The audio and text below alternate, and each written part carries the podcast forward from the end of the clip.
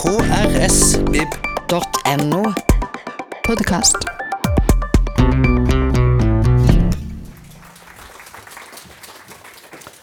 Tusen takk for det. Eh, lyden passer bra der bak også. Fint. Alle ser skjermen. Fint. Skjermen er her for at dere skal få med dere sitatene da. Eh, og se på litt bilder. Den lange, lange sti over myrene og inn i skogene, hvem har trakket opp den?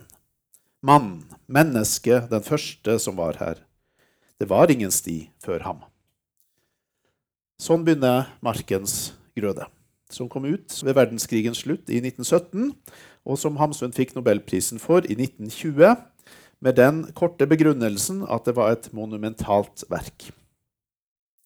Markens grøde er en atypisk Hamsun-bok. Ingen desillusjonsroman, snarere en pastorale og en nybyggerroman. Om tilsynelatende enkle folk som snur ryggen til bylivet og vender tilbake til det mest grunnleggende for livets opprettholdelse.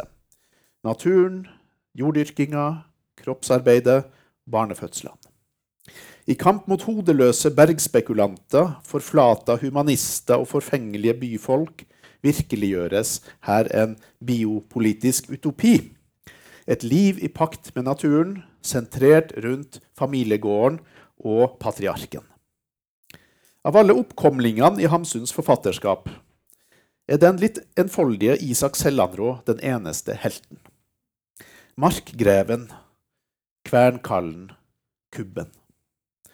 Den ble filmatisert allerede i 1921 som stumfilm. Og Her er et bilde fra det. Her er altså Isak. Han er markbo i sinn og skinn og jordbruker uten nåde. En gjenoppstanden fra fortiden som peker fremtiden ut. En mann fra det første jordbruk, landnamsmann, 900 år gammel og igjen dagens mann. Det er ei bok full av paradokser. Den hylles til nybrottsmannen og bonden, skrevet av en mann som sjøl ikke holdt ut bondelivet på gården Skogheim i Hamarøy. Han solgte gården sin der og skrev ferdig hyllesten til bonden i en villa i Larvik, midt på bildet. Etter boka kom ut, da var han igjen klar for nytt jordbruk, og han kjøpte da Nørholm. Jeg er blitt fortalt at han egentlig hadde lyst på Andøya gård, men den ble solgt like for nesa på han. Så han kunne ha havna på Andøya. Det er en hyllest til sindige og stødige mennesker, skrevet av en mann hardt plaga av nervøse lidelser. Det er en hyllest til livsfriske barn, skrevet av en far som ikke måtte forstyrres av ungeleven. Og ikke minst er det en sivilisasjonskritikk rettet mot rastløs ungdom, som heller vil reise til byen og skrive bokstaver enn å grave i jord. Den bortkomne sønnen og amerikafaren Eliseus gjør stort sett det samme som Hamsun sjøl gjorde en gang, bare med mindre kraft og talent. Hamsun må ha innsett disse paradoksene. For den som får uttrykke det eksistensielle programmet mot slutten av romanen, er ikke bonden, men vagabonden, Geisler.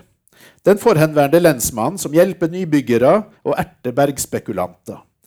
Som vet hva som må gjøres, men som ikke klarer å gjøre det sjøl. Dere opprettholder livet, sier han. Fra slekt til slekt er dere i Luther avl. Og når dere dør, tar det nye avl fatt. Det er dette som menes med det evige liv. Et krigstrøtt publikum tok godt imot boka. Men i Nobelkomiteen var det derimot stor uenighet om Hamsun burde få prisen. Oppfylte han egentlig kravene i Alfred Nobel sitt testamente? Hva sto egentlig i testamentet? Jo, der sto det at kapitalet skal utgjøre en fond vars renta årligen utdeles som prisbelønning åt dem som under det forlupne året hava gjort menneskeligheten den største nytta. Og deriblant den som innan litteraturen har produsert det utmerkaste i idealistisk riktning. Og Det er dette ordet 'idealistisk' som skapte hodebry. Var Hamsun sitt forfatterskap idealistisk nok? Så i 1919 satte de komitémedlem Per Hallstrøm på saken. Han kom frem til at det var ikke idealistisk nok. Forfatterskapet var snarere en anarkistisk kraft, mente han. Men han fremheva Markens Grøde som et positivt unntak. Året etter kom et annet komitémedlem på banen. Hamsun sin venn og beundrer Erik Aksel Karlfeldt, som dere ser til venstre der. Han argumenterte for at den estetiske kvaliteten måtte oppvurderes ved, Nobel, ved prisutdelinga. Og da historikeren Harald Hjerne så Tenk dere en historiker, så het han Harald Hjerne. Det var et fantastisk navn for en historiker. Harald Hjerne i tillegg gjorde oppmerksom på at prisen ikke nødvendigvis måtte gå til et forfatterskap, men til en forfatter som i det foregående året hadde gjort menneskeheten størst nytte. Da kunne komiteen enes om at Markens Grøde oppfylte kravene. Det var riktignok ikke fra det foregående året, men det var i hvert fall Hamsun sin seneste bok til da. Og dermed så kunne han 10.11.1920 få Nobels litteraturpris. Samme dag utkom hans neste roman. Den heter 'Konene ved vannposten'. Og det var så vidt han rakk det. Hvordan reagerte han så da kona Marie kom med den glade nyheten om nobelprisen? Jo, det skriver Marie om i boka 'Regnbuen' fra 1953. Han så ikke opp fra maten. Det her om morgenen, da. og har fått telefon fra lokalavisa. Han så ikke opp fra maten og sa rolig, 'Det forandrer ingenting for oss nå'. Jeg sa, 'Men æren da, Knut?' Da så han opp mørkt og sa kort og bitende, 'Så syns du ikke jeg får ære nok?' Hva var det nå med æren? Jo, den kommer til den gamle mann. Til den gamle. Tykk og dum kommer den til den gamle sittende mann. Til alderdommen, det hesligste, det overflødigste, det forferdeligste av alt, verre enn døden. Underforstått slik Hamsun sjøl så det. Jeg tuslet meg ut igjen bak hans rygg. Så det var sto jubelen i taket på Nørholm. Hamsun kvia seg for å reise til Stockholm for å ta imot prisen. Med alt medieoppstyret som der skulle være. Og Marie fikk slett ikke lov til å gå med en bitte litt nedringa kjole. Men middag ble det, og i talen så kom han nok en gang tilbake til ungdom og alderdom, et tema som plaga han veldig mye på den tida der. Jeg er blitt tykk av ære og rikdom i kveld. Men jeg mangler det viktigste, det eneste. Jeg mangler ungdom. Uansett hva jeg burde nå, uansett hva som passer best. Jeg tømmer mitt glass for alt ungt, for Sveriges ungdom, for all ungdom. Sånn avslutta han talen sin. Til høyre så ser dere da billettene da, som de måtte levere for å komme inn på Nobelmiddagen. På festen etterpå drakk han seg snydens full og ga lommeboka og medaljen til en tjener som hjalp han i seng. Men den fikk han da tilbake. I 1943 ga han den bort for andre gang, da til Josef Goebbels. Og i dag vet ingen hvor den medaljen befinner seg. I ettertid så har Markens Grøde blitt kritisert for det meste. Fremstilling av kvinner, kvinnebevegelsen, sama, den ustoppelige ekspansjon, altså utbygging, bylivet, rettsapparatet og den moderne verden i det hele. Romanen har dessuten et par stygge rasistiske utfall. Og Denne kritikken er velbegrunna. Men Markens Grøde har også blitt rost for sin, sine karakterer altså sine skikkelsene. Sin humor, sin avsløring av menneskelig forfengelighet. Sin hyllest til kroppsarbeidet og sin omsorg for naturen. Det er noe som økokritikere verdsetter i dag. Markens grøde er også en roman om markens døde. Det handler om liv og død, og det er mye om død. Sentralt i romanen står to barnedrap, to rettsprosesser To kvinner, Inger og Barbro. Avliving av nyfødte barn er for Hamsun den største av alle forbrytelser. For de barnet er den største verdien som fins. Barnet er vekst, håp, livskraft, kontinuitet, evig liv. I romanen fortsetter faktisk Hamsun en debatt han sjøl satte i gang i Morgenbladet noen år, år, før, i 1915, og som verserte i avisene i Norge i over ett år. Det var den såkalte barnemordsdebatten.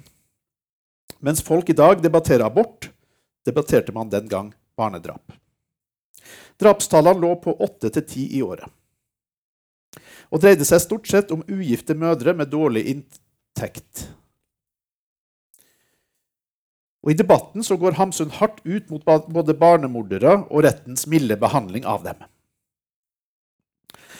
For meg er dette den største sak jeg har vært borti. Og jeg skulle ønske at mine ord var slike at endog englene strømmet ut av himmelen for å lytte, og saligheten for et øyeblikk sto, sto tom.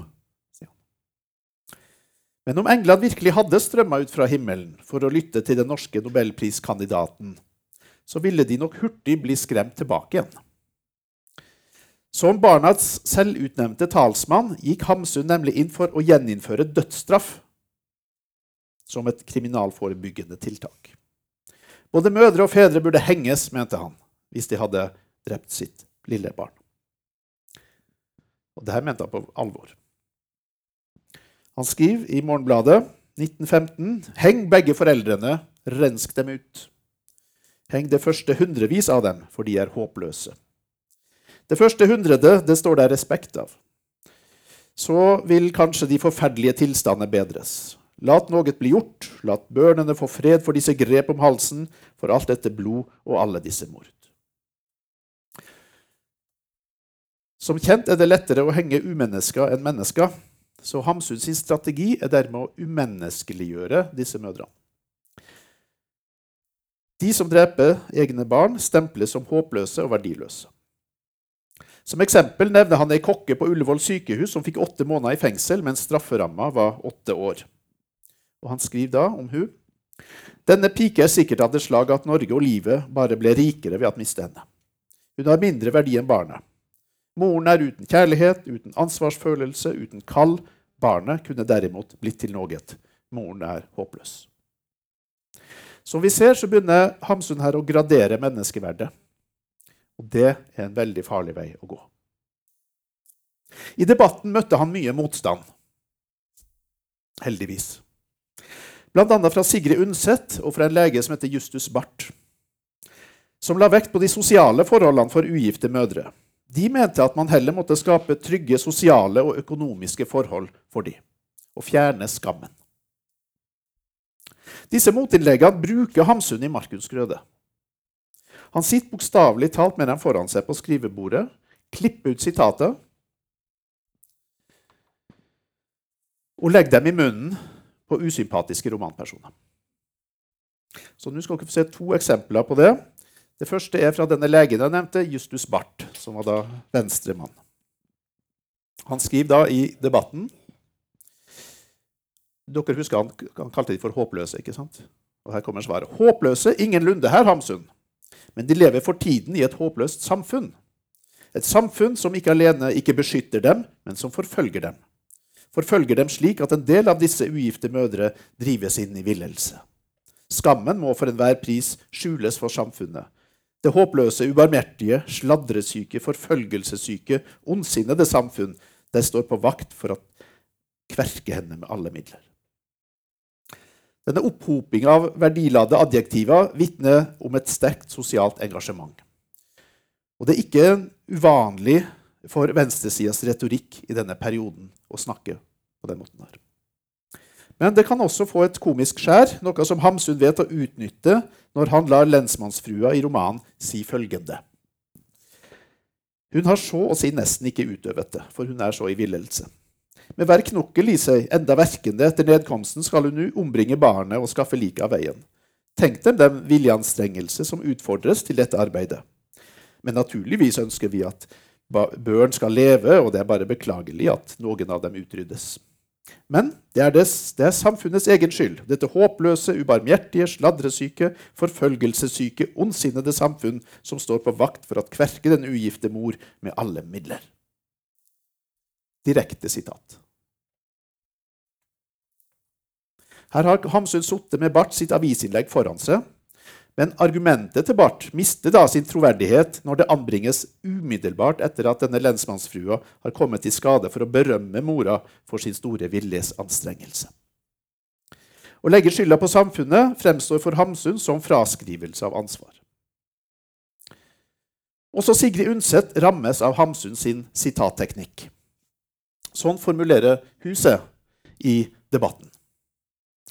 At samfunnet straffer moren når barnet er drept, det forebygger kanskje et og annet barnemord. Mange, mange kan forebygges ved at samfunnet, med eller mot morens vilje, tar hånd om henne før hun føder. Vi må alle lære at forstå en kvinne som skal ha et barn, kan ikke få lov til å krype ned i mørket og ensomheten, dypt ned under alle menneskelige forhold. Gjøre seg selv til et stykke vilt og blodig natur der reagerer vilt og blodig. I romanen så lar Hamsun statsadvokaten si følgende. Nei, men hva skal alle disse domfellelser være til? Ugifte mødre har litt så uhørte kvaler på forhånd og er drevet så langt ned under alle menneskelige forhold ved verdens hårhet og brutalitet at det er straff nok. Igjen direkte sitat. Geisler reiste seg og sa til slutt, men så er det børnene. Ja, svarte statsadvokaten, det er sørgelig nok med børnene. Uttrykket 'ned under alle menneskelige forhold' har klar adresse til Undset. Men samtidig forvrenges argumentet hennes. Hun sier jo ikke at de ugifte mødrenes kvaler er straff nok, men at barnemord best kan forebygges ved at man griper inn i tide og tar hånd om mødrene. I disse eksemplene skjer det også en finurlig ombytting av kjønn. som dere ser. Mens Barth sine uttalelser blir lagt i munnen på en kvinne, blir Undset sine uttalelser lagt i munnen på en mann. Dermed fremstår Barth som umandig og, og Undset som ukvinnelig. Hamsuns egen mening målbæres av Geisler i samtale med statsadvokaten. Vi freder fugl og dyr, sa Geisler. Det synes litt rart ikke å frede spedbørn. Sånn kan Hamsun herje med sine motdebattanter i en besk, satirisk modus. Men det fins flere modig i Markens grøde. Og i skildringa av Inger så skal faktisk Hamsun overgå sine motstandere i empati og forståelse. Inger, som har to velskapte barn fra før, tar livet av det tredje når hun ser at det har et hareskår, altså en gane kjevespalte, som hun selv har.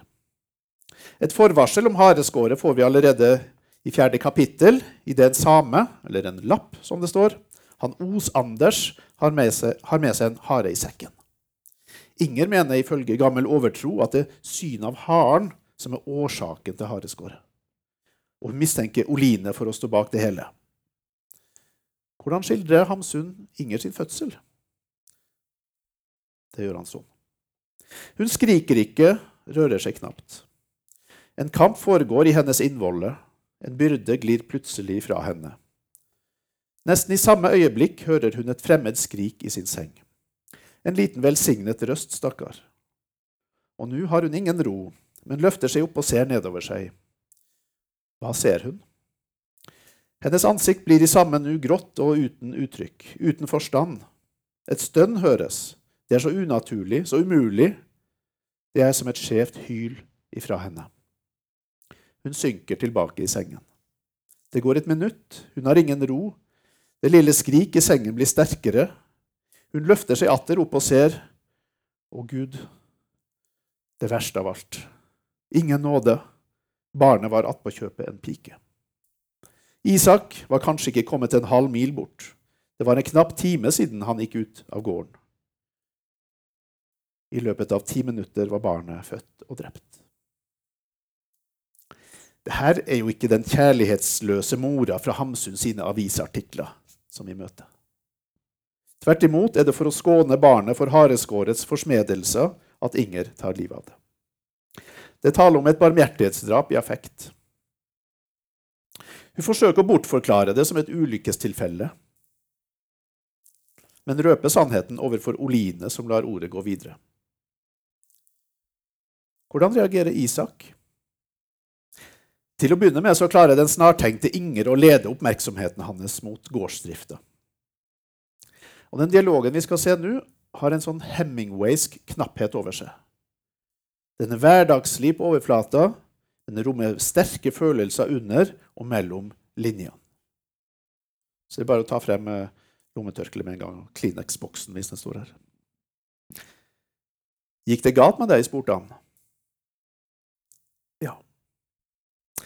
Nå, får du ikke selv, lille? Nei. Jeg har så ofte tenkt på om vi ikke kunne få oss en gris. Isak sen i vendingen svarte om en stund. Ja, gris. Jeg har tenkt på han hver vår. Men så lenge det ikke blir mer potet og mer småpotet og ørlite korn, så har vi ikke noe å gi han. Vi får nå se i år. Det kunne vært så godt å ha en gris. Ja. Her må jo leseren tenke at om det hadde vært så godt med en liten gris, hvor godt hadde det ikke da vært med et lite barn? Til slutt så kommer sannheten for en dag. Og Isak tok saken forstandig fra begynnelsen. Han sa så meget til sin kone at hvorledes har du faret ad, sa han. Han skjønte nå hvorfor Inger hver gang hadde villet være alene med fødselen. Alene utsto den store angst for fosterets velskapthet. Alene møter faren. Tre ganger hadde hun gjentatt det. Isak rystet på hodet og syntes synd i henne for hennes vanskjebne. Stakkars Inger. Han hørte om lappens hendelse og frikjente henne. Det førte til en stor kjærlighet mellom dem. En gal kjærlighet. De koset seg til hverandre i faren. Hun var full av rå sødme til han, og han ble gal og umåtelig etter henne, kvernkallen Kubben. Hamsun bruker altså en utenforstående forteller, men han legger synsvinkel hos personene og farger fremstillinga med deres egne ord og vendinger. Og Gud, det verste av alt, ingen nåde. Hvorledes har du faret ad, stakkars Inger? Psykologisk forklares barnedrapet med Ingers angst, fortvilelse og empati. Hamsun skildrer det mislykka forsøket på å fortrenge og det umulige forsøket på å fortie. Vi ser Isaks bestyrtelse og medynk og det overrumplende begjæret som overmanner dem begge i farens stund, den røde, rå sødme. Alt dette er innsiktsfullt gjort. Og viser samtidig Hamsuns høyt oppdrevne romanteknikk. For det er nettopp denne attråen som får en graviditet til følge. Som blir årsaken til at Geisler senere kan forhandle frem en tidligere løslatelse av Inger fra fengselet. Sjøl har Inger ingenting annet enn hareskår å vise til når hun forklarer seg for sorenskriveren. Inger kunne ikke klage på retten. Hun nevnte ikke haren. Men da hun under tårer bekjente at hun ikke hadde villet sitt vanskapte barn så ondt som at late det leve, så nikket sorenskriveren sakte og alvorlig. Men, sa han, du er jo selv haremynt og har fått det bra i livet. Ja, gudskjelov, svarte Inger bare. Og hun fikk intet sagt om sin barndoms og ungdoms lidelser. Merk at under forhøret så har Inger ingen forsvarer. Ingen annen forsvarer enn fortelleren og Hamsun sjøl. Som minne om hennes barndoms- og ungdomslidelser. Hamsun har større sympati med Inger enn med rettsvesenet. Hun idømmes åtte års fengsel, som var maksimal straff på denne tida. Men pga. Geisler sitt press på fengselsvesenet så slipper hun med redusert straff. Og Kanskje er det også en påskjønnelse fra Hamsuns side at Inger ikke har svikta sitt moderkall.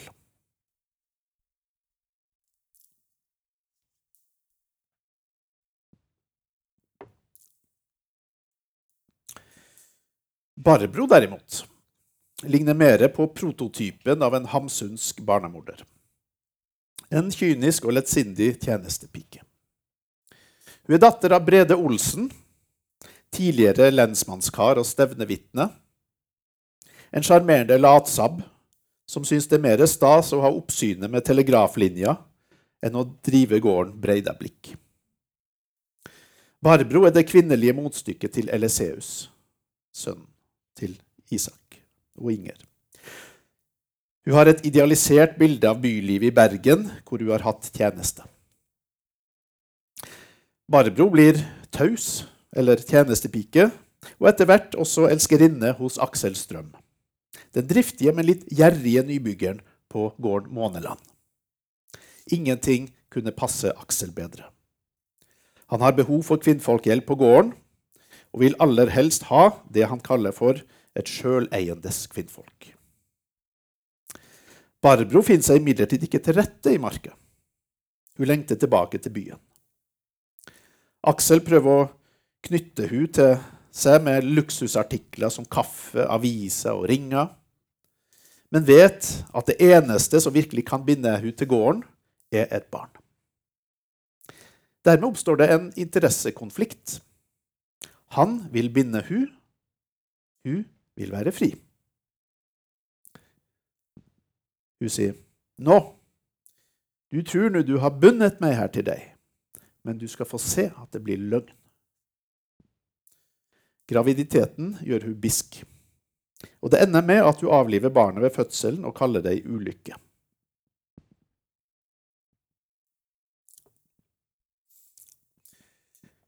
Men av mange små og store ting skjønte Aksel at stillingen var blitt løsere. Barbro fant seg ikke mer hjemme på måneland enn en annen taus ville ha gjort. Heller ikke mer bundet. Hans tak i henne hadde raknet da barnet døde. Han hadde tenkt så stort at bare vent til barnet kommer. Men barnet kom og gikk. Til sist strøk Barbro endog av seg fingerringene og brukte ingen av dem. Hva skal det bety? spurte han. Ja, hva skal det bety? svarte hun og kastet med nakken. Men det kunne ikke godt bety annet enn treskhet og svik fra hennes side. Barbro kvittet seg med både barnet og ringene, hovedsymbolene på et forpliktende reproduktivt samliv. Mens Inger dreper for å skåne barnet for et liv i lidelse, går Barbro over lik for å beholde sin personlige frihet. Dette oppfatter Aksel som treskhet og svik. Han virker imidlertid mer opprørt over selve frigjøringsforsøket enn over drapet. Det er sviket mot han sjøl, ikke barnet, han har i tankene. Men er Aksels fordømmelse i tråd med romanen og med romanens eget verdisystem? Vel, på den ene sida fremstår moderskapet som kvinnens skjebne i romanen. Det er noe hun må avfinne seg med og glede seg over. På den andre sida er moderskapet innvevd i en ekteskapelig arbeidsdeling som virker mer begrensende på kvinnen enn på mannen. Romanen fordømmer Barbros handling, men viser samtidig at den springer ut fra en maktkamp mellom kjønnene, hvor kvinnen har mest frihet å tape. Rettssaken mot Barbro, som utgjør en 13-siders satirisk utblåsning karakteriseres som en komedie. Hun blir frikjent ved hjelp av et, en veltalende lensmannsfrue og et velmenende rettsapparat. Det varer imidlertid ikke lenge før Barbro er gravid og arbeidsløs igjen. Denne gangen kryper hun til korset og finner veien tilbake til måneland. Riktignok er det ikke Aksels barn hun går med. Det kan han regne ut. Men gevinsten er større enn forsmedelsen. Han har fått seg sjøleienes kvinnfolk. Dessuten er Barbro uimotståelig. Han står og ser på at hun blir mer og mer naken. Det er ikke til å få øynene fra. Og så tankeløs Barbro er.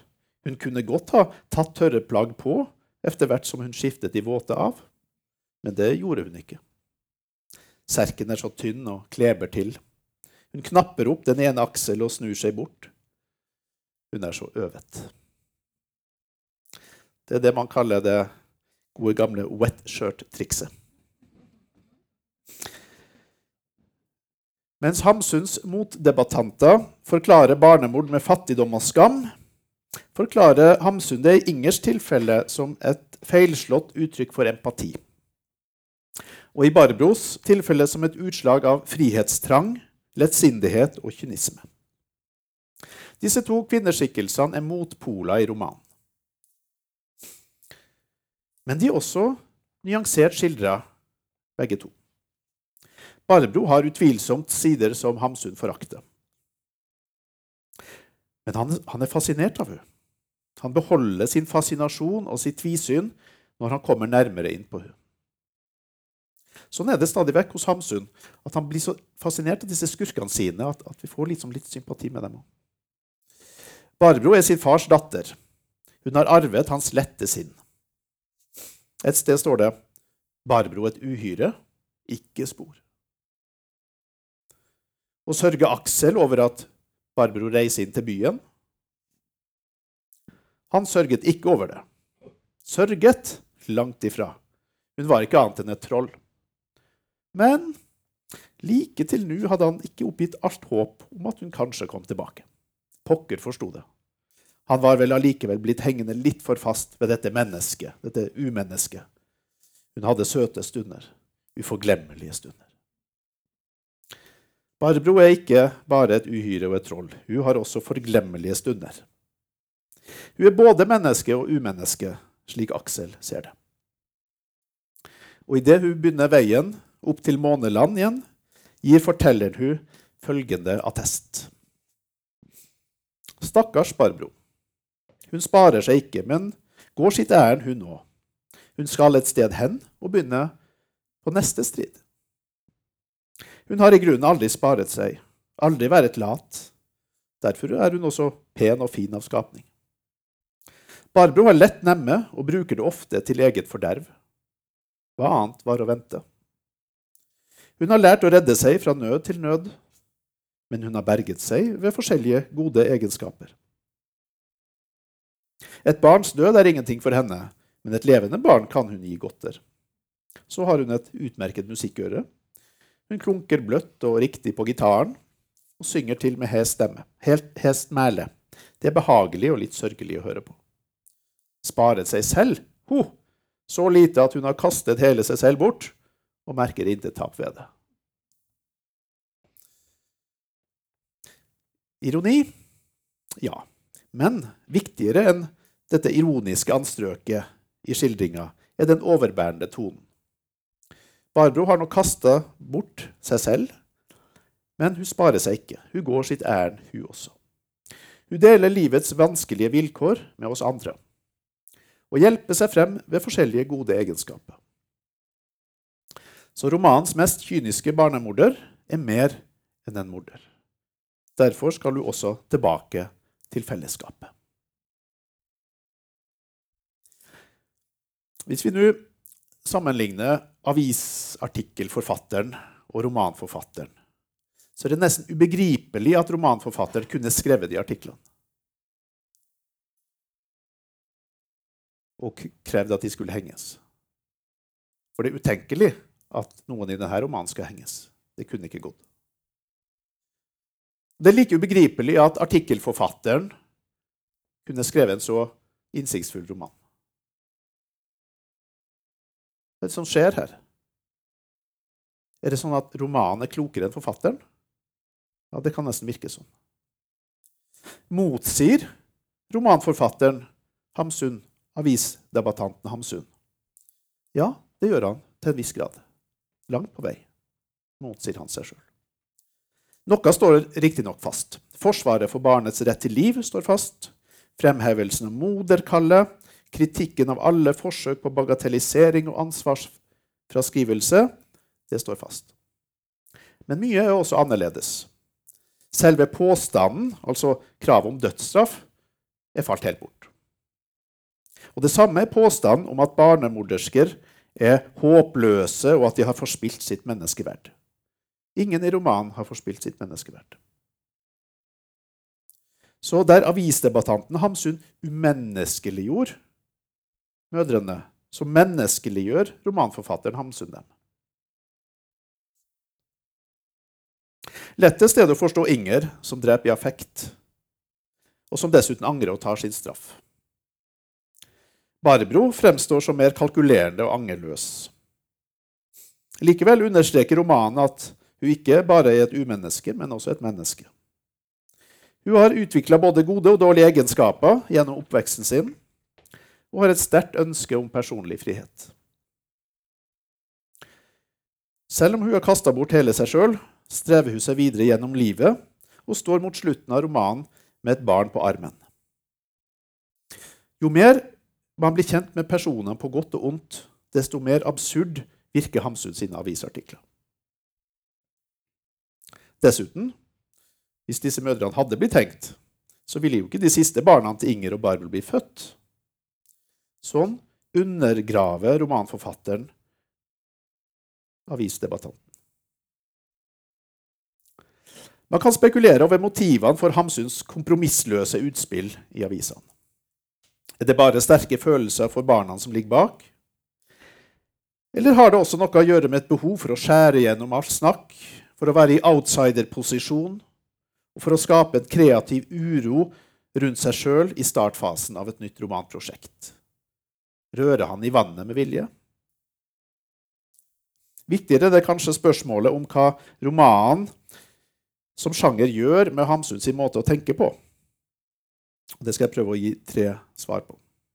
For det første romanforfatteren sitt hovedmål er å skrive en god roman, ikke å vinne en debatt.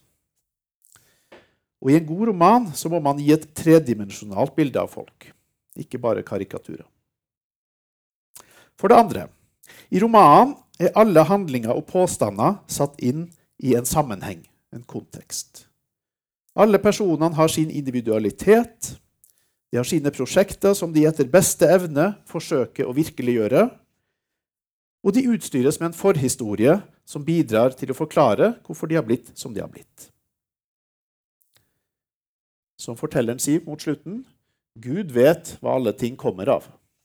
Intet har en eneste årsak. Alt har en årsaksrekke. Livet er komplisert. Og for det tredje romanen er flerstemt. Mens avisartikkelen snakker med én stemme, snakker romanen med flere. Selv om det også her fins en skjult instans som trekker i trådene, så får nesten alle personene komme til orde. Denne mangslungne fortellermåten er uttrykk for en mentalitet. En sinnets bevegelsesfrihet et tvisynets både-og som rugger ved de mest kategoriske påstander, enten de er framsatt av personene eller av fortelleren. Selv ikke Hamsun er i stand til å opprettholde sin kategoriske fordømmelse i en roman. Sjangeren tvinger han til å leve seg inn i deres situasjon og reflektere over deres forhistorie. Så overgangen fra avis til roman medfører en ny ettertenksomhet. Den gir seg ikke utslag i noen forbrytersentimentalitet, men i en robust overbærenhet som ser verdien av at en lovbryter vender tilbake til samfunnet etter endt straff. Så til slutt. Også i litteraturens verden har Markens Grøde blitt utsatt for kritikk og parodi. Haldor Laksnes sin sauebonde Bjartur i romanen sin egen herre fra 1934 og 35 er et brutalt og temmelig usympatisk motstykke til den idealiserte Isak Sellandrå. Denne romanen til Haldor Laksnes, den mest kjente romanen i islandsk litteratur, er altså et motsvar til Markens Grøde. Det er Laksnes sitt generaloppgjør med Hamsun og den islandske hamsunismen som var begynt å bre om seg på denne tida på Island også. I Knut Fallbakkens uår fra 1974 starter Allan Ung og Lisa et nytt liv, ikke i naturen, men på søppelfyllinga. Mens Erlend Los trilogi om Andreas Doppler på 2000-tallet ender med at Doppler snur ryggen til sivilisasjonen og følger tråkket oppover lia sammen med elgen Bongo. Selv supergitaristen Mark Knopfler i Dire Straits har latt seg inspirere av markens grøde, eller Growth of the Soil, som den heter på engelsk, i den storslagne sangen Telegraph Road fra 1982. Så neste gang dere hører den, Tenk på Hamsun og markedsgrøde. A long time ago came a man on a track, walking 30 miles with a sack on his back. And he put down his load where he thought it was the best, made a home in the wilderness. Sånn er første verset. Vi blir visst aldri riktig ferdig med markens grøde. Hvorfor ikke? Kanskje fordi den rører ved en drøm i oss. Drømmen om å starte på nytt. Drømmen om å bygge opp noe ifra grunnen. Takk for meg.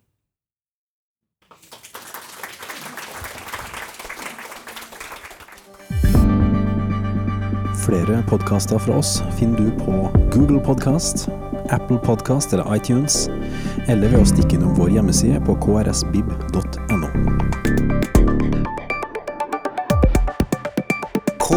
krsbib.no. Podkast.